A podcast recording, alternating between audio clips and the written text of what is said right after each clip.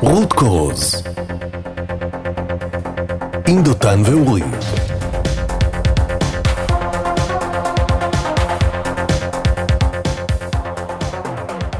אז אה, שלום לכל המאזינים, כאן הפודקאסט אה, רות קוז. אנחנו עדיין באולפן הווירטואלי שלנו לצערי, מכיוון שהקורונה עדיין מרחפת עלינו. והיום אני ודותן שמחים לארח את אה, גלעד זינגר.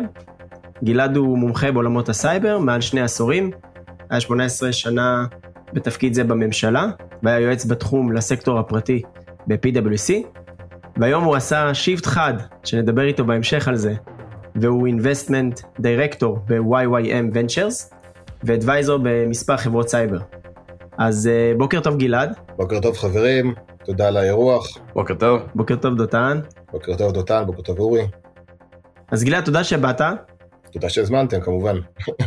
כיף שאתה איתנו כאן. אז היום אנחנו נדבר עם גלעד אה, על עולם הבעיה של סקאדה, ו... או באריכות אה, Supervisory Control and Data Acquisition, וגלעד מומחה בתוך התחום בעיה הזה והוא ירחיב לנו בהמשך. בעצם נדבר על עולם של הגנה על תשתיות קריטיות, כמו שאנחנו שומעים רבות באופן כללי, וספציפית גם בשנה החולפת, על כל מיני ניסיונות זדוניים להכניס לנו ויטמינים בגרשיים למערכות המים, או לשבש את אספקת החשמל במדינה, או לפגוע בתשתיות בבתי חולים, או אפילו גרוע מזה, ולפגוע בתשתיות ביטחוניות של מדינת ישראל. אז גלעד, אני מקווה שלא פספסתי שום דבר מהרזומה המרשים שלך, ואם כן, אז uh, תן לנו קצת מהזווית שלך ונתחיל לצלול. אה, אז קודם כל, אה, ראשית בוקר טוב, תודה באמת על האירוח. ממש כיף ונחמד להיות פה למרות שזה וירטואלי. אז כן, אז באמת לא, לא פספסת לגבי באמת אה, אה, על מערכות סקאדה או אה, תשתיות קריטיות, אז במספר מילים, מה, מה זה אומר למעשה? זה אומר, לא, מה, כל המערכות שהן נון-IT, אוקיי? משהו בעצם לא נמצא תחת מטריית ה-IT המוכרת לנו, שלמעשה לרוב מערכות של, שליטה ובקרה, שליטה ובקרה שיכול להיות במגוון תחומים, יכול להיות בתחום האזרחי, בתחום המדיני, בתחום המוניציפלי, בתחום הכלכלי, אם ניקח אה, מספר דוגמאות, אז אם ניקח לצורך העניין יכול להיות פס ייצור של מפעל, במערכת שליטה ובקרה, אוקיי? בסופו של דבר רוצים שקופסה A תגיע למקום B, רוצים שהתרכיז אה, אה, של הקוקה קולה יתמלא ברכיב מסוים, זה שליטה ובקרה. אם ניקח אזורים אחרים, אז כל ה-utilities, כל המים, אנרגיה, בעצם הכל מורכב מתשתיות של שליטה ובקרה, שגורמות למשהו אחד אה, אה, אה, לזוז או לפעול, זה בדרך כלל מדובר פה בסוג של אינפוט ואוטפוט שהוא בדרך כלל פיזי, אוקיי? סנסור שגורם לפעילות, הכי פשוט שיש, דוגמה הכי בסיסית שיש, המזגן שלנו בבית, אוקיי? המזגן שלנו בבית, יש בדרך כלל לשלט סנסור, שאם אנחנו אומרים, אוקיי, אני רוצה שתתחיל להפעיל את המזגן מטמפרטורה X, אז יש סנסור שיקבל באינפוט את הטמפרטורה בחדר, יש בפנים מחשבון קטן שאומר, אוקיי, if הטמפרטורה היא מעל 25, תדליק את המזגן. מאוד מאוד פשוט, ככה זה בעולם הבקרה ב-60 שניות. איך שאני תופס את זה, זה שרוב האנשים שמגיעים מעולמות הסייבר בעצם חושבים, או באופן כללי, בעצם אה, יש את העולם שכמו שאמרת, information technology, שזה IT קלאסי, ויש את העולמות של operation technology, שזה העולם שאתה מדבר עליו אה, כרגע, ורוב האנשים מכירים מערכות מידע, מכירים database ים, מכירים מערכות caching, אה, אה, מכירים כל מיני מערכות services וכאלה, אבל בסופו של דבר המערכות האלה שאתה מתאר אותן, שבסופו של דבר הם uh, רכיבים של הארדוור שמחוברים לרשת, בין אם זה IoT, בין אם זה מערכות של בתי חולים או של משרדי אנרגיה, בסופו של דבר זה מערכות שנקרא לזה החשיבות בלהגן עליהם, או החשיבות שיישארו בצורה תקינה, אה, בסופו של דבר משפיעים על חיי אדם.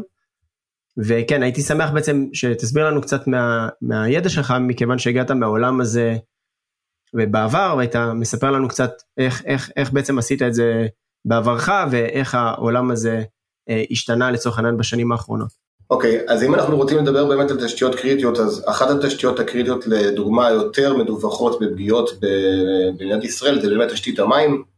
אה, בעבר עסקתי בסיוע באחד התפקידים שלי לרשות המים בתחום הרגולציה, גם בכתיבת הרגולציה עצמה וגם ב... אפשר לקרוא לזה לא אכיפתה, אלא אה, הטמעתה בתשתיות המים. רק לסבר את האוזן, במדינת ישראל יש מעל 56 אה, גופי או תאגידי מים שאחראים אה, שכל אחד מאיתנו יקבל את המים בביתו. שנה שעברה נחשפנו למספר ניסיונות וגם הצלחות האמת היא של גורמים, עוד פעם, לא רוצה להגיד איראנים, לא איראנים, לא ניתחתי את האירוע, כן, אבל גורמים שכנראה פחות רוצים בטובתנו, לייצר פגיעה בתשתיות המים, אז קודם כל בכלל מה, מה זה אומר, אוקיי? מה, מה זה בעצם, איך זה נראה בכלל תשתית מים כזאת מבחינת מערכות המחשוב? באמת אה, הבסיס. אז אם ניקח תשתית מים לדוגמה, בסופו של דבר, המטרה היא בסופו של דבר לגרום למים להגיע לפרטים שלנו, בדרך יש משאבות, בדרך יש מכלים, בדרך יש סנסורים, שאמורים לדבר הזה לגרום לדבר הזה לקרות. כל דבר כזה מפוקח על ידי בקר. בקר באנגלית זה נקרא PLC, אוקיי? מעין מחשב קטן, אה, חובבי הגאדג'טים שבינינו כמוני יכולים לבנות כזה דבר בבית לבד מרזברי פאי למשל, כמה מערכות עם בלט בפנים, נורא נורא כיף, תנסו בעצמכם, יש גם כמה דברים שאני פרסמתי גם בדבר הזה, נורא נחמד. anyway, הדבר הזה בעצם מאפשר, למשל, לפתוח או לסגור משאבה, די טיפשי ודי אה, אה, בנאלי. מצד אחד, מצד שני לקבל נתונים, זאת אומרת יש כאן אינפוטים ויש כאן אאוטפוטים. תארו לכם מצב שבו אני יכול לבוא ולשלוט על אותו בקר. ברגע שאני שולט על אותו בקר, אני יכול לגרום לאותה משאבה להיפתח או להיסגר.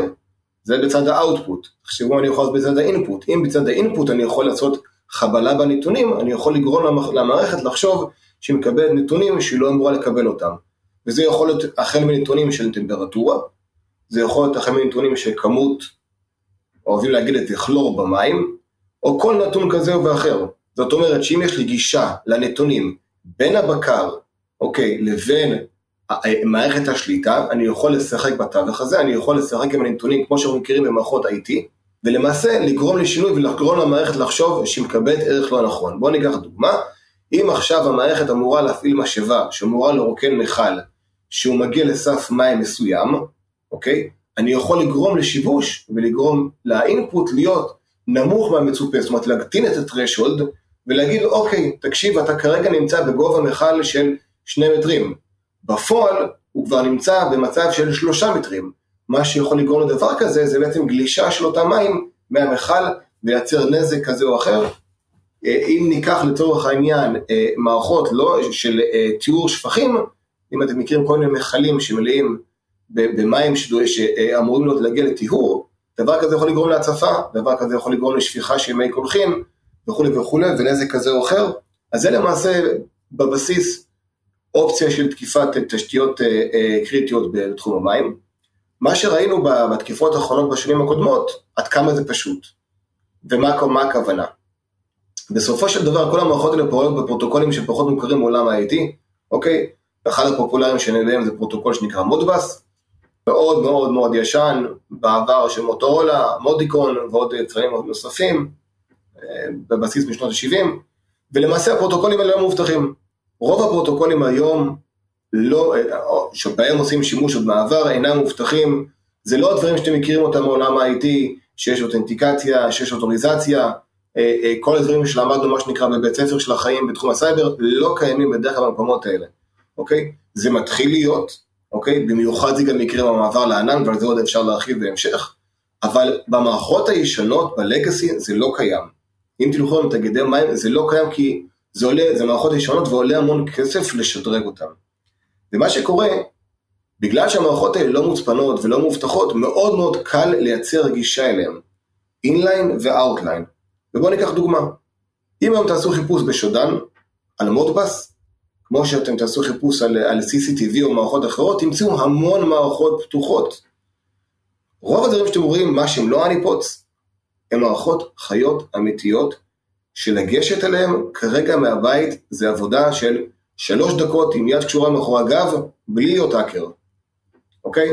אה, אה, יש סקריפטים מאוד פשוטים בגיט, שאפשר לקחת, לא צריך אפילו להשמיש אותם, הם כבר מושמשים, אוקיי? מתחברים לטרמינל ואני יכול תוך שנייה באמת לכבות משאבה, אוקיי? לשנות נתונים בסנסור, ככה פשוט. וזה גם, גם בתפיסתי מה שבוצעו באותן תקיפות, לדעתי זה היה במאי שנה שעברה, על ידי אה, אה, כביכול איראנים או לא איראנים, זה לא משנה, אגב, למה אני אומר כביכול? אני גם לא מייחס שום יכולת מעצמתית לכל מי שעשה את זה, כי זה תקיפות מאוד מאוד פשוטות. לא, עשה, לא עשו כאן החלפת קוד ולא עשו כאן שום דבר מתוחכם. בתפיסתי עשו פה שודן, מצאו את הפרוטוקולים, עשו סריקה, הפעילו סקריפטים, זה הסיפור. כן, זה, זה מטורף שה, שהקלות, כמו שאתה אומר, שזה קיים, אז, ודווקא בגלל שאמרת שיש פה נושא של הרגולציה, אז אני תוהה לעצמי, רגע, מי אחראי על הדבר הזה? זאת אומרת, נגיד כשאתה אומר קוקה קולה, או שנגיד אני, לא יודע מה, אני מחסן ייצור בחברה X שמייצרת קטניות לצורך העניין, אז אני גם צריך לחשוש מזה, נכון? כי גם לי יש בעצם IT ויש לי OT, נכון? אבל אני חברה פרטית. כאילו בוורסט קייס, בעצם שרשרת האספקה של המזון נפגמה, אבל זה בפועל לא ממש עניין של הרגולטור. רגע, עצור, נכון? אורי, אמרת פה נקודה סופר מעניינת, בגלל זה אני אקטע אותך ברשותך, אוקיי? אוקיי. העולם האזרחי נכנס לפה יפה מאוד לאחרונה, בשנתיים האחרונות, עם תקנות ורגולציות של איכות הסביבה. זאת אומרת, שהיום, גם אם אתה קאנטרי בהוד השרון, ואתה מחזיק כלור, אתה מחזיק חומר מסוכן. גם אם אתה עכשיו מפעל מזרונים בזיקים, ואתה מחזיק עכשיו אה, אה, חומרים שאמורים לקרר את המחסנים שלך, אתה נהיה תשתית קריטית. ואז פתאום זה כן מעניין אותך. הבנתי. אוקיי? פתאום אתה נהיה רשת OT קריטית עבור רגולציה של איכות הסביבה למשל. ואז פתאום מה שקרה בשתיים האחרונות, שחצי מדינה היא תחת רגולציה של או רשות המים, או משרד האנרגיה, או איכות הסביבה, אוקיי? מה קורה עם זה בפועל? מוזמן לשאול, אני אגיד לך. כן, אבל זה, זה, זה בדיוק הפינה, בעצם הפינה שאתה מתאר זה שיש רגולציה, יש סרטיפיקיישנס שאתה צריך לעמוד בה, ובסופו של דבר עדיין, זאת אומרת, אני רגע בכוונה מקצין ואומר רגע, אני מבדיל ממערכת מים לבין הקאנטרי uh, בהוד השרון, שיסלח לי מי שלא יוכל לשחות uh, בבריכה. אני עדיין חושב שלפגוע בתשתיות של המים זה משהו שהוא קצת יותר קריטי, ובסופו של דבר יש רגולציה, אבל אתה אומר שהרגולציה לא נאכפת. עכשיו, מה זאת אומרת הרגולציה לא נאכפת? אני אומר בסופו של דבר, תפיסתי, איך שאני הבנתי שהדברים עובדים עד עכשיו, אה, יש גוף, בארג... יש גוף, נכון? אה, מערך הסייבר הלאומי, mm-hmm. או NISA, או לא משנה, כל השמות שהיו לו בעבר, שאמור להכתיב, או אמור להיות אחראי לזה שכולם עומדים ברגולציה, וזה עבודה משותפת של הרגולטור פלוס אותו ארגון מערך סייבר, לוודא שכולם עומדים בתקינה, ואתה אומר שבעצם זה לא ככה? זאת אומרת, יש, יש בעצם תקינה, אבל לא בפועל, פרקטית, לא מבצעים אותה ולכן ככה זה נראה? אז זהו, אז, אז שנייה לפני הרגולציה, רק אני אשלים את הנקודה של הקאנטרי בהוד השרון, כי זה משעשע וזה חשוב, אני אגיד לך גם למה. כשאני אומר קאנטרי בהוד השרון, הכוונה שלי לא הקאנטרי, אלא החומרים המסוכנים שהוא מחזיק ויכולים לגרום דלף לציבור הרחב, אוקיי? כן, כן. זאת אומרת שאם עכשיו הוא מחזיק מחסן גזים, ואני, והמחסן הזה, או, או ה tube הזה נשלט על ידי בקר, ויבוא תוקף ויוכל לשחרר את זה לאוויר, הבעיה היא לא לבריכה, הבעיה היא בעצם לציבור הרחב. זה רק בשביל לסגור את הדוגמה הספציפית הזאתי. אתה יכול לקחת את זה להמון המון גזים שנמצאים בבתי חולים, מפעלים פטרוכימיים, mm-hmm. מפעל בירה שנמצא פה כאן קרוב לידי. כל המקומות האלה, זה, זאת, זאת הכוונה שלי. בנושא הרגולציה, ככה, לצערי הרב, משיקולים, לא יודע, אין לי מושג איזה בדיוק, מערך הסייבר, או אה, אה, בוא נתחיל רגע טיפה אחורה, בסדר? אה, אני גדלתי במה שקראו לו בעבר NISA, אה, והרשות הממלכתית לאבטחת מידע. ובשלב מסוים, משיקולים של המדינה מן הסתם, אה, פתחו את המערך, שזה ארגון מצוין, ולמעשה העבירו חלק מהסמכויות למערך, חילקו את הסמכויות בין המערך לבין השירות. אה, אבל כמו בכל דבר שקורה במדינה, לפעמים יש גם קשיים, אה, גם נקרא לזה כלכליים, תעדופים, כוח אדם, ובעצם מערך הסייבר החליט שהוא לא מנחה באופן ישיר את תשתיות המים למשל. אגב, גם לא את תשתיות האנרגיה, אוקיי? אה, היום מערך הסייבר הוא לא המנחה המקצועי הישיר שלהם, יש בעצם סוג של buffer. ומה הכוונה buffer? ניקח דוגמה גם את משרד האנרגיה וגם את תשתיות המים, כי זה הכי קל. אגב, גם הגנת הסביבה זה אותו דבר. כל אחד מהם בעצם בנה לעצמו ישות סייבר עצמאית, שכמובן מושתתת ונסמכת על בעצם על, על, על אותם עקרונות של מערך הסייבר, אבל היא מבוצעה בצורה עצמאית. זאת אומרת ההנחיה לגופי, לגופים הקריטיים בכל בכל הישויות האלה והאוטיליטיז האלה, מפוצץ עצמאית לא מהמערך. רשות המים עושה את ביקורות המים או את הרגולציה עבור תשתיות המים. משרד האנרגיה עושה את זה עבור תחנות הכוח, אוקיי? אה, משרד הגנת הסביבה עושה את זה עבור המפעלים. אין כאן באמת רגולציה אחידה, שזה הקטע האבסורדי פה. הרגולציה, שחלק, קח את הרגולציה של המים שהייתי מעורב בה, ואני מכיר כמובן גם את הרגולציה של החשמל ושל הגנת הסביבה, אין גורם אחד שרשם אותה. זה גורמים שונים שרשמו אותה, שהם ינקו בעצם מאותו, אה, מאותו מערך סייבר. כפועל יוצא מזה, אין גם גורם אכיפה או הנחיה אחד. כל אחד עושה את זה לעצמו. אוקיי? אין, אין באמת גוף אחד שעושה את זה עבור כולם. וכפועל יוצא מזה, אין כאן שום סמכות או אחריות שהדברים באמת יבוצעו בפועל. אין באמת אכיפה משמעותית. אם אני אקח עוד פעם דוגמה מרשות המים, אין באמת כוח לאף אחד להגיד למנכ"ל של תאגיד מים שנמצאו אצלו ליקויים, מה יגידו לו, אל תספק מים? נסגור לך את מפעל המים כאן? יש פה בעיה. להזכיר לכם גם שהיה איזה ניסיון לעשות שר מים שכשל, אבל uh, יש פה בעיה מאוד מאוד קשה של אכיפה, במיוחד בתחום המים. אני אגיד לכם למשל מה קורה ברגולציה באנרגיה ובהגנת הסביבה. הגנת הסביבה באו ואמרו, אוקיי, בואו נחשוב איך אפשר לאכוף את זה. מי שלא יעמוד ברגולציית סייבר, נמנע ממנו את אישור, אה, איך זה נקרא, היתר הרעלים, אוקיי? אירוע מאוד בעייתי, כי יש בסייבר, כמו שאתם מכירים, המון רבדים של השלמה של רגולציה, אז נכון קבעו שם גם כן סוג של מעין מדרגות מס.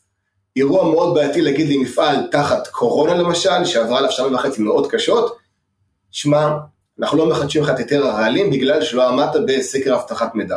אירוע סופר משמעותי. שעובדה שהוא לא תופס מים. במשרד האנרגיה משתמשים בכלי אחר, שאולי הוא טיפה יותר תופס, אבל גם כן לא לאורך זמן. אם לא תייצר ככה וככה, נמנע ממך, את אישור ההפעלה של התחנה, של תחנת הכוח. אוקיי, אבל מה קורה שנתיים שהתחנה כבר עובדת? יש פה אירוע מאוד משמעותי שלצערי המדינה עוד לא שמה עליו את היד, וזה מייצר פרצות. האמת שאתה מדבר על uh, קורונה, זה מעניין. Uh... לפי מה שאני שומע, האם זה נכון שאפשר לקרוא לזה סדר עדיפויות משתנה, אז בעצם תוקפים מסתכלים על העולם הזה מבחוץ, מהכיסא הנוח שלהם, ואז הם אומרים, אה, אני מזהה את מה שגלעד אומר, אני מזהה שמפעלים, אה, חברות משנות, משנים אה, סדרי, את הסדר יום, אומרים, אוקיי, הרגולציה, אני דוחה את זה, אני צריך לשרוד את הקורונה, ואז הם אומרים, זה זמן טוב לתקוף. האם זה מה שקורה עכשיו בעצם? אני, אני, לא, אני לא חושב שזה קורה, אני לא חושב שבאמת אה, אה, זה קורה בצורה הזאת, כי בסופו של דבר המערכת לא הייתה מובטחת לפני, אז ככה שאני לא חושב שהקורונה שינתה פה משהו לרעה. אה, אבל, זה, נכון, אבל המשפט שאמרת מקודם הוא סופר נכון, זאת אומרת, התעדוף היום של מפעלים, בוא ניקח מפעלים, הוא לשרוד, אוקיי? הוא לשרוד. לא סייבר, מה לעשות? הוא לשרוד. אנשים רוצים לראות מה שקורה להם כרגע בעיניים ובידיים ובחשבון בנק שלהם. זה, זה פוגע אמנם בחשבון, אירוע סייבר כזה בסדר גודל כזה, יכול לפגוע, יכול לפגוע בחשבון לא פחות מאשר, לא יודע מה, שמכונה הפסיקה לתפקד אה, בגלל סתם בגלל שאין לה מספיק שמן בגלגלי שיניים. נכון, לגמרי, לגמרי. עכשיו, באמת, אבל בהתייחס לדבר הזה, אנחנו רואים המון המון תקיפות חדשות בתחום הזה, ולמה? לא בגלל שהתוקפים גילו עכשיו עולם חדש, זאת אומרת, אוקיי, הם כן גילו עולם חדש, הם גילו עולם שבו הנכסים הרבה יותר יקרים מאשר נכסי ה-IT. אוקיי, קחו את התקיפות על, על Colonial Pipeline בארצות הברית, זה יצר שם נזק מטורף, אוקיי? תקיפה שיצרה שם עלייה במחירי דלק, זאת אומרת, הזיה. ומה קרה בעצם? התחילו לתקוף תשתיות OT באמצעות מערכות ה-IT שלהם, על מנת לייצר סייבר קריים, אוקיי? גילו שוואלה, אם אני תוקף עכשיו חברה שהיא למעשה תשתית קריטית, אני יוצר שם השבתה שהיא עולה הרבה יותר כסף מאשר תקיפה של חברה שאחראית על מידע רגיל סטנדרטי, אוקיי? אה, אה, בסופו של דבר, הם גילו שאם אני עכשיו, אה, התחביב האחרון של, תוקפים זה לעשות רנסוור בחברות, בחברות תשתיות.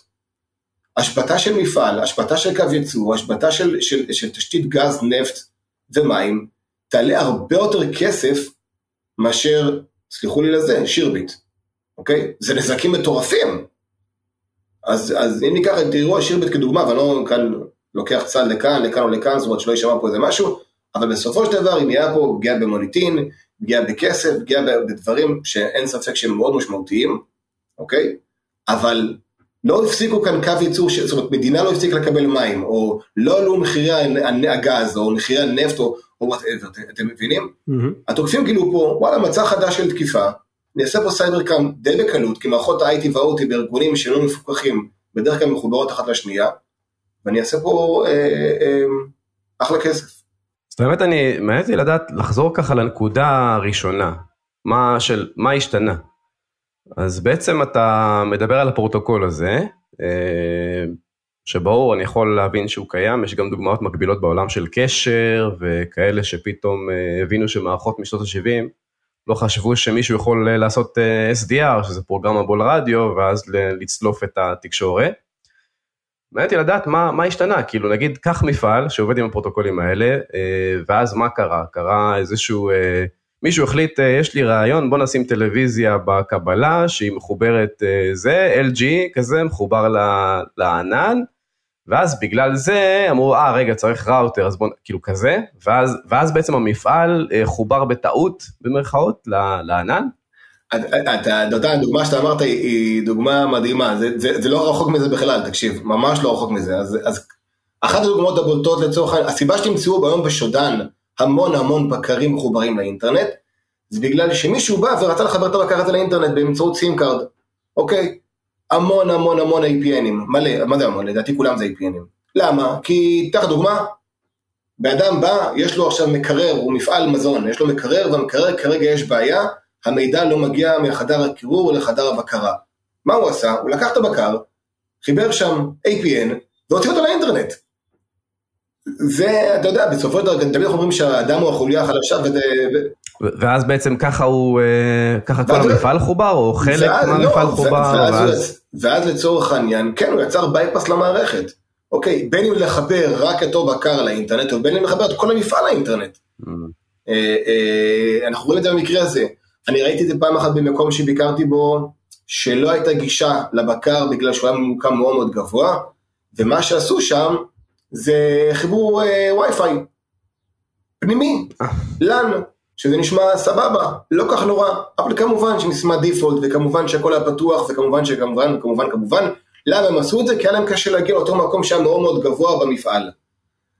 אה, בסופו של דבר, אנחנו מכירים את הדבר הזה, בסופו של דבר החוליה החלשה זה האדם, ברגע שאין מספיק, אני, אני לא רוצה להגיד את המילה אכיפה כי זו מילה קצת שלילית, אוקיי? אבל נקרא לזה הכוונה, הסבר, לימוד אה, אה, וגם אכיפה, אה, זה מה שקורה בסופו של דבר. הבן אדם רוצה למצוא פתרונות. בסופו של דבר העובד בסוף רוצה, רוצה בסופו של דבר שאותו מידע מהמקרר יגיע לחדר בקרה. by hook ו-by hook, אני רוצה שזה יקרה.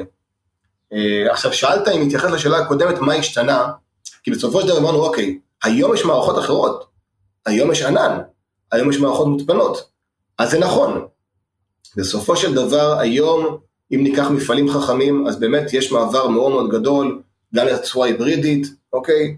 וגם לתצורה של אה, עננית לחלוטין, ומה שנקרא Industry 4.0 בזמנו, שלא ממש המריא לצערי הרב, או מפעלים חכמים, ובאמת הכיוון זה ללכת לאותם אה, פתרונות אה, מוצפנים.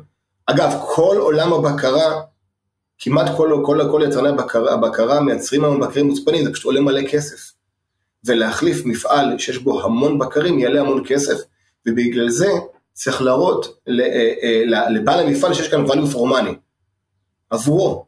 בסופו של דבר מישהו צריך לממן את הדבר הזה. אה, אז, אז באמת, טכנולוגית, אנחנו שם מזמן, אוקיי? מימושית, אנחנו לא. כלומר, יש, אה, אני סתם כאילו תוך כדי שאתה אומר, אני מדמיין, יש תמ"א לבניינים ישנים, אבל אה, אין תמ"א למפעלים ישנים. כאילו אה, קונספט כזה של אה, מישהו צריך לעזור לבעל המפעל לחדש את המפעל. לגמרי, לגמרי, אה, זה, זה ממש ככה, אני, כן, זה, זה גם השאלה מאיזה מקום בכלל יש למפעל אינטרס, עוד פעם חזרה לדיון של מה באחריות הרגולטור ובמה לא, בדיוק, בעצם לא- אתה צריך עכשיו, אני שואל את עצמי מה האינטרס של המפעל. בדיוק. כן, אז תמ"א זה כזה, אתה יודע, סידרו את זה כזה, לכולם יש אינטרסים בתמ"א, ואז, ואז זה קורה, או שלא קורה כי דיירים מתנגדים או משהו כזה, אבל בדיוק. אה, אני מניח שצריך ליצור מנגנון. לא, לא, אני, אני, אני, אני סליחה שקטעתי, זה, זה נכון לחלוטין מה שאתם מעלים פה. זה מה האינטרס של בעל המפעל לעשות היום, סתם לדוגמה דבר שעולה הכי זול, אוקיי? סקר סיכוני סייבר. מה האינטרס? הרי אתה חושב שבאמת כאילו בעל המפעל היום שיש לו עכשיו, אה, סתם דוגמא, 400 פיות להאכיל, אוקיי, ולייצר, ומעניין אותו באמת סייבר? ממש לא. מי שחושב אחרת אז הוא חי בסרט, אוקיי? זה לא באמת מעניין אותו, נו באמת. וצריך לייצר לו אינטרס. וזה סוג של incentive לבוא ולתת את הדבר הזה. עכשיו, אין לו את הכסף הפנוי הזה להשקיע בזה. וזה לגמרי נכון, גם הדוגמה של התמ"א היא דרך אגב דוגמה מגניבה, כי, כי, כי זה בדיוק ככה. אוקיי? אין, אין פה סוג אינסנטיב, יש פה בעיקר את המקל ולא את הגזר באירוע הזה. כן, אז בעצם אני מנסה רגע לעשות הקבלה לעולם ה-IT, אז נגיד בעולמות ה-IT לצורך העניין כבר הרבה שנים, היו רגולציות קטנות, נקרא לזה כל מיני certifications שנועדו לייצר לך פנלטי במקרה שאתה עושה איזושהי טעות, אבל בסופו של דבר באו רגולציות מאוד מאוד גדולות, CCPA, GDPR ועכשיו עוד ועוד גדולות עכשיו מתרחבות, ובאים האיגוד האירופי ובאים אה, בארצות הברית הרגולטור ו, ו, וכל האמרה החדשה מסביב לדברים שנשיא ביידן מפרסם, אה, כל מיני אה, יוזמות לסגור את, ה, לסגור את הברז מה שנקרא literally, מכיוון שבסופו של דבר אתה צריך לייצר מנגנון שחברות מקבלות נזק כלכלי, כספי, מספיק חזק בשביל לתקן את, ה, את ה, מה שנקרא את הבעיות סייבר שיש להם בחברה, אז אני אומר לעצמי, למה לא יהיה אותו דבר בעצם למפעלים? ואני, לתפיסתי איך שראיתי את זה עד היום, זה אחריות של הרגולטור, הרגולטור בא למפעל X שהוא תשתיות קריטיות, שמייצר אוכל שבו כל האזרחים במדינה בעצם ניזונים מזה, הוא צריך לייצר מצב שהוא לא רק עושה monitoring, הוא צריך לייצר מצב גם שהוא עוזר ועושה את ההדרכות ואת הכל, אלא גם כמו שאתה אומר צריך באיזשהו מנגנון של אכיפה, מנגנון של אכיפה זה אומר שאם מישהו לא עומד בדבר הזה, איזה פאול הוא מקבל, זאת אומרת, מה המחיר שהוא משלם כנגד זה. ואם אני מבין אותך נכון, החלק הזה בעצם חסר בשרשרת. החלק הזה חסר בשרשרת עד לא קיים, לפעמים אבל יש פה אתגר, כי זה לא תמיד אפשרי, כי אם תיקח תאגיד מים שאין לו כסף, אין להם, כי אני אומר לך עוד פעם, אין להם כסף. יש, אם ניקח את המדינה, יש מקומות שהם בהם יותר מבוססים ופחות מבוססים, אז יש תאגיד מים, אני אתן לך דוגמה, דרום הארץ, עזבו, בסדר? אוקיי? אין להם כסף. אז כאילו, מה, מאיפה מצפים בדיוק שהם יבואו וישימו שם עכשיו, לא יודע, מה, אה, IDS. אתה מבין? אז זה, זה בעיה שהיא הרבה יותר מדינתית, זאת אומרת, אם נבוא ונעניש אותם, אין, מה נעניש אותם? נגיד להם שמה, אל תעבירו מים לתושבים? כן. אז האירוע פה הוא הרבה הרבה הרבה יותר עמוק, הרבה, אני אומר לכם, תקשיבו, אני מכיר את התקציבים, ואני כמובן לא אפרט אותם, של המערך הזה. וזה ביזיון, אוקיי? וזה ביזיון ברמה שאתם לא מבינים, אה, אה, עד כמה מעט כסף, אוקיי, מושקע, המדינה מוכנה להשקיע בהגנת הסייבר על אותן תשתיות. הזיה. אז זה הכל עניין של כסף. וסתם אני אשאל שאלה. כמובן כאילו תקציבים זה, אני מניח שכולנו מכירים אה, למה משמש הכסף, אבל אני מנסה ככה להקביל בין העולמות ואני חושב שבישראל נולדו כל מיני עמותות קוד נקרא לזה, אני זוכר, מהראש זוכר עמותת המקור וכל מיני כאלה.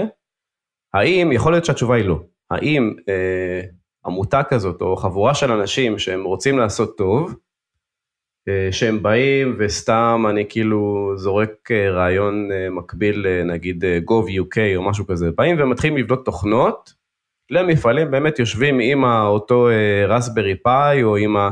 פשוט בונים דברים בקוד פתוח, ישראלי, האם אני בפנטזיות, או שאולי יש דבר כזה, או שגם אם זה יקרה, זה לא, ה... זה לא הדבר שעבורו כאילו מבזבזים כל כך הרבה כסף. טוב, קודם כל זה אחלה רעיון, קודם כל, דבר ראשון. אני לא חושב שהפתרון הוא בכסף לקנות מוצר או לקנות פתרון כזה או אחר. זאת אומרת, הפתרון צריך להיות הרבה יותר, הרבה יותר תשתיתי, אה, ולהתחיל מבייסיק מסוים. אני אתן לך דוגמה, אנשים, אנשי סייבר, אנשי IT או OT, לא משנה כרגע איך נקרא להם בשם, שנמצאים באותם מקומות ומקבלים כסף, שכר, mm. אוקיי? בעלי מקצוע, כמו שיש לכם CISO בארגון, צריך שיהיה מה שנקרא CISO טאג באותו מפעל. היום זה לא קיים. אם תפעיל עכשיו את הטכנולוגיה הכי מפחידה בעולם ותשים אותה במפעל, זה לא יעזור, כי לא יהיה מי שיפעיל אותה. אתה מבין? לא יהיה מי שידע לנתח את הדוחות שלה. נכון. אה, אה, אז אז ברור שלא יהיה עכשיו במפעל של, סתם דוגמא, 200 איש סיסו, זה ברור לי, כן? אבל כן, המדינה צריכה לייצר מצב שבו יהיה שם מישהו שיהיה מספיק מיינדד ומספיק מוסמך ומוכשר לטפל בדברים האלה. אגב, זה דברים שגם הגנת הסביבה ברגולציה שלהם הולכים לכיוון הזה, אוקיי? גם ברשות המים יש דבר כזה שנקרא ממונה תמ"ח, שזה תשתיות מידע חיוניות, הלכו לכיוון הזה. אז יש רצון, ועדיין דרך אגב, שתבין שזה במימון של אותם אה, משרדים, זאת אומרת, משרד הגנת הסביבה מממן את זה, אה, אה, רשות המים מממנת את זה, וזה כלום כסף, זאת אומרת, אין להם מספיק כסף, זה לא מימון שלה, באמת של המדינה הגדולה, לבוא ולעשות מישהו שאחראי ומבין בדבר הזה. ברגע שיש לך איש חזק, שהוא רוצה אגב להיות שם ולא מכריחים אותו, והוא יודע מה הוא עושה, מפה תתחיל אחי, עזוב המוצרים, אוקיי? ברגע שיש את הבן אדם הזה שיודע לעבור במפעלים ולבדוק את הדברים האלה בעצמו, וואלה, פתרת כבר 50% מהעבודה. מעניין, מעניין. אז זה, זה כאילו, לפי מה שאתה אומר, זה ה... להביא את הסקיל, בדיוק. בשלב הראשון בבסיס, בדיוק. ממש להביא את הבן אדם שבא ומפעיל את העין ויודע להגיד משהו, לא חשוב מה, אבל הוא לפחות יודע להגיד משהו על המצב בכל אה, מקום ומקום. בדיוק, בדיוק, וזה התחיל כבר, זאת אומרת, זה, זה כבר קיים כבר, גם בשלושת המקומות שאמרת, זה קיים, זה עוד לא שם, אני לא רוצה להגיד לך too late, זה לא טועה, אף פעם אין too late, כן? הם, הם רוצים לעשות את זה, אני רק אומר שזה עדיין לא מספיק, זה מה שאני טוען. כן, בעצם אתה מתאר פה איזשהו מערך שאני מניח שיש אנשים שהם אמונים, נקרא לזה, נכון, בתוך הממשלה, בתוך הגופים השונים, שהם אמונים לתקן את זה, הם אמונים בעצם, אמונים לשפר עמדה ולגרום לזה לעבוד בצורה טובה יותר, אז אם אני מבין אותך נכון, זה תמיד בעצם אחריות של הרגולטור ממשלה, ואין אין גוף, אין, אין בתכלס סקטור פרטי בעצם אם הוא רוצה לפתח, אם ננסה לדמיין רגע על חברות שמנסות להגן על הדבר הזה, אז אם אני חברה פרטית שרוצה להגן על תשתיות קריטיות, אז אני בונה business. נכון. לא יודע, פותח חברת סייבר, הולך משקיע כסף, מקבל השקעה, בונה מוצר והולך מוכר אותו לסקטור, ה, נקרא לזה הממשלתי, ובעצם זה הדרך ש, שבעזרתה אותם אנשים עוזרים לסקטור, נקרא לזה ה-governance, נכון בסופו של דבר להצליח, אבל אין, זאת אומרת השיח עצמו בתוך הממשלה הוא רק, אה, זאת אומרת אין, אין, אין גישה בעצם לקהילה נקרא לזה, או לקהילת, ה, נקרא לזה הקהילת סייבר הגלובלית שאנשים יוצאים ממנה לסקטור הפרטי, שהם עושים פידבק לופ חזרה, ויכולים לעזור למערך הזה בעצם להשתפר. זאת אומרת אם אני אומר לך עכשיו לצורך העניין, עם כל הניסיון שלך וכל הידע שיש לך, עכשיו אתה צריך להחזיר עכשיו נקודות חזרה, לבוא ולבנות, איך, איך זה נראה? זאת אומרת איך אתה בעצם, מה אתה הולך להגיד אה, אה, להם שהם צריכים לשפר, או שאתה אומר הם יודעים כבר שהם צריכים לשפר, הם פשוט אין להם את התקציבים, אין להם את, ה, את הכוח אדם, ואת הידע כבר יש, כאילו הידע קיים, רק צריך to apply. נכון, זו הנקודה, זאת אומרת, הם, כל, כולם יודעים מה צריך לשפר אה, ומה צריך לעשות, אני לא בא ללמד אף אחד שום דבר, אני, אין לי מנדט על הידע או לשכל, הכל עניין של תקציבים ותעדופים, כמו בכל משרד ממשלתי שאתם מכירים, אין כאן משהו, מה שנקרא, הם לא, לא ימצאו את הגלגל פה, הנקודה היא המשמעותית פה שהמדינה צריכה להבין ולעשות תעדוף בהגנה על הנכסים שלה.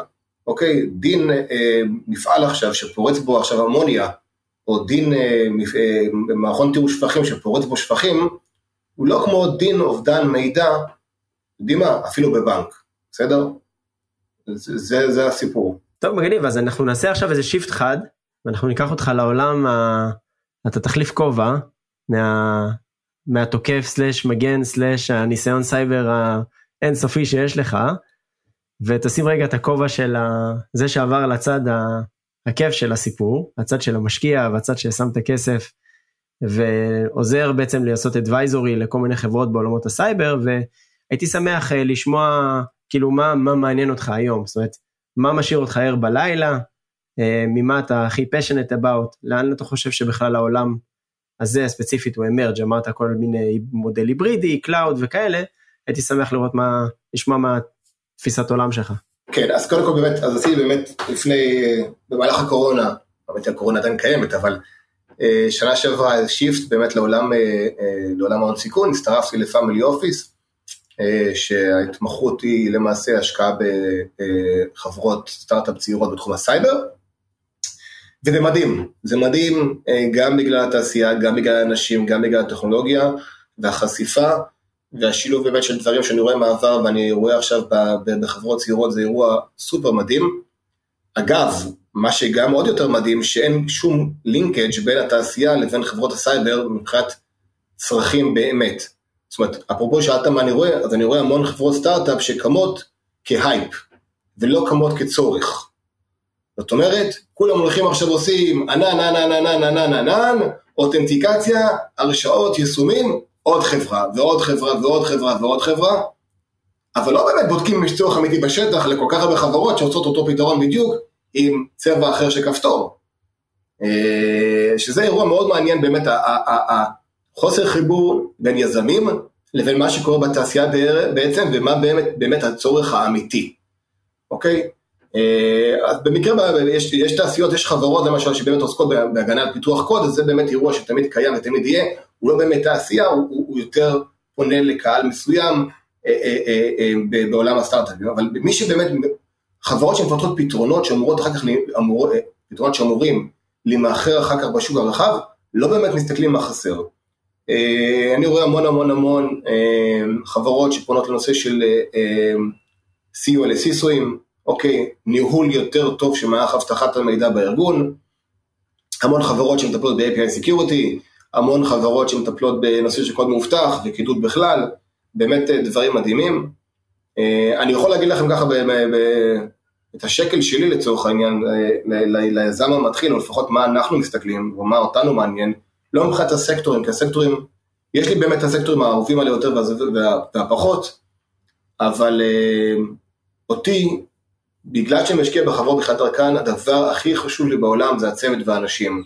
אני משקיע פה באנשים, אני לא משקיע פה במוצר ולא בטכנולוגיה.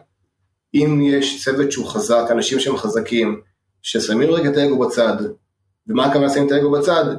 יכול לבוא מנכ"ל שהוא לפני יומיים סיים שירות ביחידת וייט מובחרת, הבן תותח, מבריק, אין עליו, אבל הוא לא מתאים להיות מנכ"ל. אתה רוצה שהחברה שלך תצליח? זוז טיפה הצידה, תביא מנכ"ל מנוסה, החברה שלך תמריא קדימה, אוקיי? הצוות והאנשים בחברות, בחברות שמשאירות בכלל דרכן זה הדבר הכי משמעותי שיש. אה, בדרך כלל אחר כך מה שמעניין אותי זה המרקט, לראות שבאמת קיים צורך למה שהם רוצים. יש נטייה של אה, יזמים ישראלים למצוא אה, פתרון לבעיה לא קיימת. ופתרון לבעיה קיימת לא מוכר בסופו של דבר. זאת אומרת, זה נורא נחמד להיות חדשני, אבל אתה חייב למצוא משהו שכבר, אתה יודע, מישהו ירצה לקנות את זה בסופו של דבר, מישהו ירצה לעשות את זה שימוש. אז זה ככה שני טיפים על רגל אחת, כמו שאומרים. באופן כללי לגבי הקריירה שלך, משהו שמעניין אותי לשמוע זה שבגלל שיש לך שוב, יש לך הרבה שנות ניסיון, אז אם יש לך איזה טיפ, נתת טיפ ליזם הצעיר, הייתי נותן טיפ גם למי שכן רוצה להיכנס לתוך העולם תוכן הזה, עם, כי שוב, אתה סתם מעין המראה מכיוון מה שנקרא טכני מאוד, לאור הזמן, לעולם אחר, אז דווקא בעולם הטכני, בצד הטכני, כאילו אם יש לך איזושהי המלצה, אם מישהו רוצה להיכנס לתוך התחום, אם מישהו רוצה להכיר את זה טוב יותר, זאת אומרת, מה, מה המסלול לדעתך האידיאלי להיכנס לתוך עולם הבעיה הזה? זאת שאלה קשה. שואלים אותי לא מעט, האמת, כל מיני, אתה יודע, עובדים לשעבר וכל מיני דברים כאלה, זו שאלה קשה כי, כי אין, אין באמת תשובה אחת, זה לא אוקיי, לך תלמד מדעי המחשב, או לך תעשה קורס לג'ון ברייס, או לך תעשה איקס, ואז תהיה, זה, זה, קודם כל זה עניין של מזל, כמו כל דבר בחיים, מזל וטיימינג אין מה לעשות, לנצח את הכל. ואני חושב שברוב המקרים אין מנוס מלהתחיל מלמטה, אוקיי? אה, אה, אה, אני, לבוא ולהתחיל מלמטה זה אומר להיות, לעבוד בחברה, בארגון ממשלתי, לא כרגע, לא משנה כרגע איפה, כן? ולהתחיל ללמוד את אבטחת המידע מה basics. אני, כשאני התחלתי ללמוד את זה, ישבתי אז בזמנו, זה היה מזמן, 2004, עם ספר מצ'וקמק, וקראתי והבנתי מה זה network, לא היה לי מושג מה זה network, למדתי מדעי המחשב, ובתקופה שלפני הסמארטפונים, אני כל כך זקן, ולא ידעתי, כאילו, לא, לא לימדו אז מה זה network, אז למדתי מה זה network. ויותר מאוחר עשיתי כל מיני קורסים והשלמות ודברים כאלה שבעצם יחזקו את הידע המקצועי שלי. אז, אז באמת איך שאני רואה את זה, פשוט להתחיל מלמטה, זאת אומרת לא לבוא ולהגיד אוקיי סבבה, אני יודע, אני תותח ואני עכשיו רוצה להיות VP בחברה, זה לא יעבוד, כי בסופו של דבר צריך לבדוק את הצ'ק שלך בסוף. לבוא וללמוד ולהיות מה שנקרא מקצועית, ולהתלוות לאנשים שהם מבינים, עד שתוכל למצוא גם בתוך תחום הסייבר מה מעניין אותך יותר ומה מעניין אותך פחות, כי זה באמת, כמו שאתם מכירים, תחום מאוד מאוד עשיר ומאוד רחב. זה, זה לפחות מה שאני הייתי עושה. כן, ספציפית הייתי מתמקד, ב... כאילו השאלה שלי ספציפית על OT, כי לדעתי ב-IT, יחסית, זה יחסית, אני אומר, זה קל, ב-OT זה לדעתי קשה יותר, כן. כאילו נגיד זה עולם, נגיד אם מישהו רוצה לגדול לא יודע, לצורך העניין, אני, זה תחום שזר לי, כן, אני מכיר אותו, אבל זה תחום שזר לי, אני לרוב מתעסק בעולמות ה... נקרא לזה IT ולא בעולמות ה-OT, אני מכיר את העולם הזה, מכיר איך הוא עובד, מכיר את כל החומרה ואת כל הבעיות מאחורי הקלעים, אבל זה שונה מאשר עולמות ה-OT, זאת אומרת, OT זה טיפה שונה, זאת אומרת, אה, יש בית ספר שמלמד OT, לא, זאת אומרת, יש בלמד. בית ספר שמלמד מערכות בקרה, יפה. יש מקום שבו אתה לומד איך להיות סיסו של Hardware Operation ולא סיסו של Information Technology קלאסי. אורי, אתה, אתה, אתה צודק ומדייק, כי א' אין, וזה אגב עוד אחת מהבעיות שדיברנו לפני זה, על מה אין, אין קורס, מה שנקרא so called ג'ון ברייס לאוטי, לא קיים דבר כזה, מה שאנחנו למדנו לפני 15 שנה, לא קיים. אה, ואגב, מנסים כל מיני לעשות כל מיני קורסים כאלה ואחרים, והקטע המדהים, שכאילו אין דרישה. אה, אין דרישה בעצם אנשים, כאילו, אנשים אומרים, אוקיי, יש דרישה מאוד מאוד גדולה לעובדים בתחום ה-OT, מאוד מאוד מחפשים עובדים בתחום ה-OT, שמבינים גם, ומצד השני אתה רואה שגם אין, שאין, שאף אחד לא רואה, כאילו, אין, לא קם אף בית ספר ל-OT, שזה סוג של דיסוננס מאוד, אה, מאוד מעניין, אז מאיפה מתחילים? אני הייתי מתחיל מגופים רגולטוריים, אוקיי? אני חושב שמי שרוצה ללמוד OT, צריך ללכת לעבוד אצל הרגולטור, אה, אלא אם כן הוא יכול לעבוד במפעל, כן? זאת אומרת, הדבר הכי חשוב קודם כל לעבוד, אם הייתי יכול לעבוד במפעל זה דבר ראשון, בתחום הסייבר, אוקיי? אם לא, יותר קל בתחום, אצל הרגולטור, כאשר מה שאני מכיר, רגולטורים מובילים, ומה שאמרתי זה, זה אנרגיה, חשוב, אה, אנרגיה, אה, מים והגנת הסביבה, ברגע שאתה עובד שם אתה נחשף להכל למעשה. אתה מגיע לבקר בגופים, אתה מתחיל ללמוד את הדברים ה basic, אוקיי? אתה לומד את הדברים בשתי, בשני, בשתי הזוויות, גם בזווית המפעל וגם בזווית הרגולטור. אתה לומד מה זה בקרים, אתה לומד את כל העסק הזה. אז זה, אם היית שואל אותי איפה להתחיל, אלה המקומות, תפיסתי. ואז באמת כל בן אדם מפתח את הידע הייחודי שלו, ויודע באמת לאן ללכת, אבל גם התותחים הגדולים שאני מכיר, מחו"ל בעיקר אגב, התחילו במפעלים, אם זה מפעלי רכב בארצות, בגרמניה אני מכיר, אחד התותחים בסאנס שעושה קורסים באוטי, התחיל במפעל רכב בגרמניה, אוקיי? זה האזורים לתפיסתי. אז סתם שאלה נאיבית, אה, במקום הכי נאיבי. לוקחים נגיד אה, מסלול אה, הנדסת מכונות במכללה או באוניברסיטה. הקונספט של להוסיף איזה שני קורסים בסייבר ו-awareness או משהו כזה לבן אדם שעכשיו לומד הנדסת מכונות, זה משהו שהוא לא, לא מסתדר כאילו, כי בסוף הבן אדם לא פוגש את זה בשום צורה, או, ש, או שזה כבר קורה כאילו. אה, אה, אה, עוד פעם, אני לא בקיא מה קורה בזה, אבל זה נשמע לי אחלה רעיון. זאת אומרת, נשמע לי כאילו להוסיף לבן אדם עוד טיפה שכבה של knowledge, שאיפשהו תפגוש אותו אחר כך, והוא יכול לייצר לו טריגר, אחרי שהוא יגיע למפעל עצמו, וואלה בואנה, אני זוכר שקראתי לזה, בוא ניקח את האירוע הזה ונפתח את זה במפעל. בוא אני אהיה זה שאחראי לדבר הזה במפעל, ואני אקח את זה צעד קדימה, זה יכול להיות אחלה, אחלה רעיון. אני לא מכיר שלומדים שיעורי סייבר על OT, כן, וזה נשמע לי אירוע מדהים, מה שאתה אומר. ממש ככה. כן, נשמע שכאילו אין, גם אין סייבר ל-IT בלימודים במדעי המחשב, אמרת אחרי שסיימתי את התואר במדעי המחשב, זרקת משפט שאמרת ישבתי עם, עם ספר של נטוורקס, כן, שזה כן, בעצם חלק נכון. מאותה כן, זה- בעיה. נכון, אבל אני- זה זה חלק סיימתי- מאותה בעיה. אבל אני סיימתי מדעי המחשב ב-2004, אני מאמין שמאז זה השתנה טיפה. בכל זאת. טוב, מגניב, אז אני רואה שנגמר לנו הזמן, אז uh, תודה רבה לגלעד זינגר, שלקח אותנו לעולם uh, משמאל לימין, מה שנקרא, או מימין לשמאל, תלוי איך בודקים את זה. Uh, עם uh, כל מה שקשור לעולמות של uh, הגנה על תשתיות קריטיות, סקאדה וכדומה. כמובן שיש חומרים של גלעד שהוא מפרסם ופרסם בעבר, שקשור לעולמות ה-OT, אז אנחנו נשים את זה בשואו נוטס. Uh, גם הרצאות שגלעד נתן בעבר, גם פודקאסטים שהוא השתתף, uh, גם כל מיני חומר לימודי שהוא מעביר במסגרת הדרכות אה, מהעבר שלו, אז אנחנו נשים את זה בשואו נוטס. זהו, משהו ככה אחרון לקינוח, גלעד, אה, קודם כל ראשית תודה לאירוח, היה לי ממש כיף, מעבר לקורונה, מעבר לקורונה, כן היה לי אה, אה, נורא כיף, אה, ואני חושב שמה שאתם עושים זה חשוב, כי בסופו של דבר זה פוצח צוהר לאחרים להבין וללמוד את הדבר הזה יותר.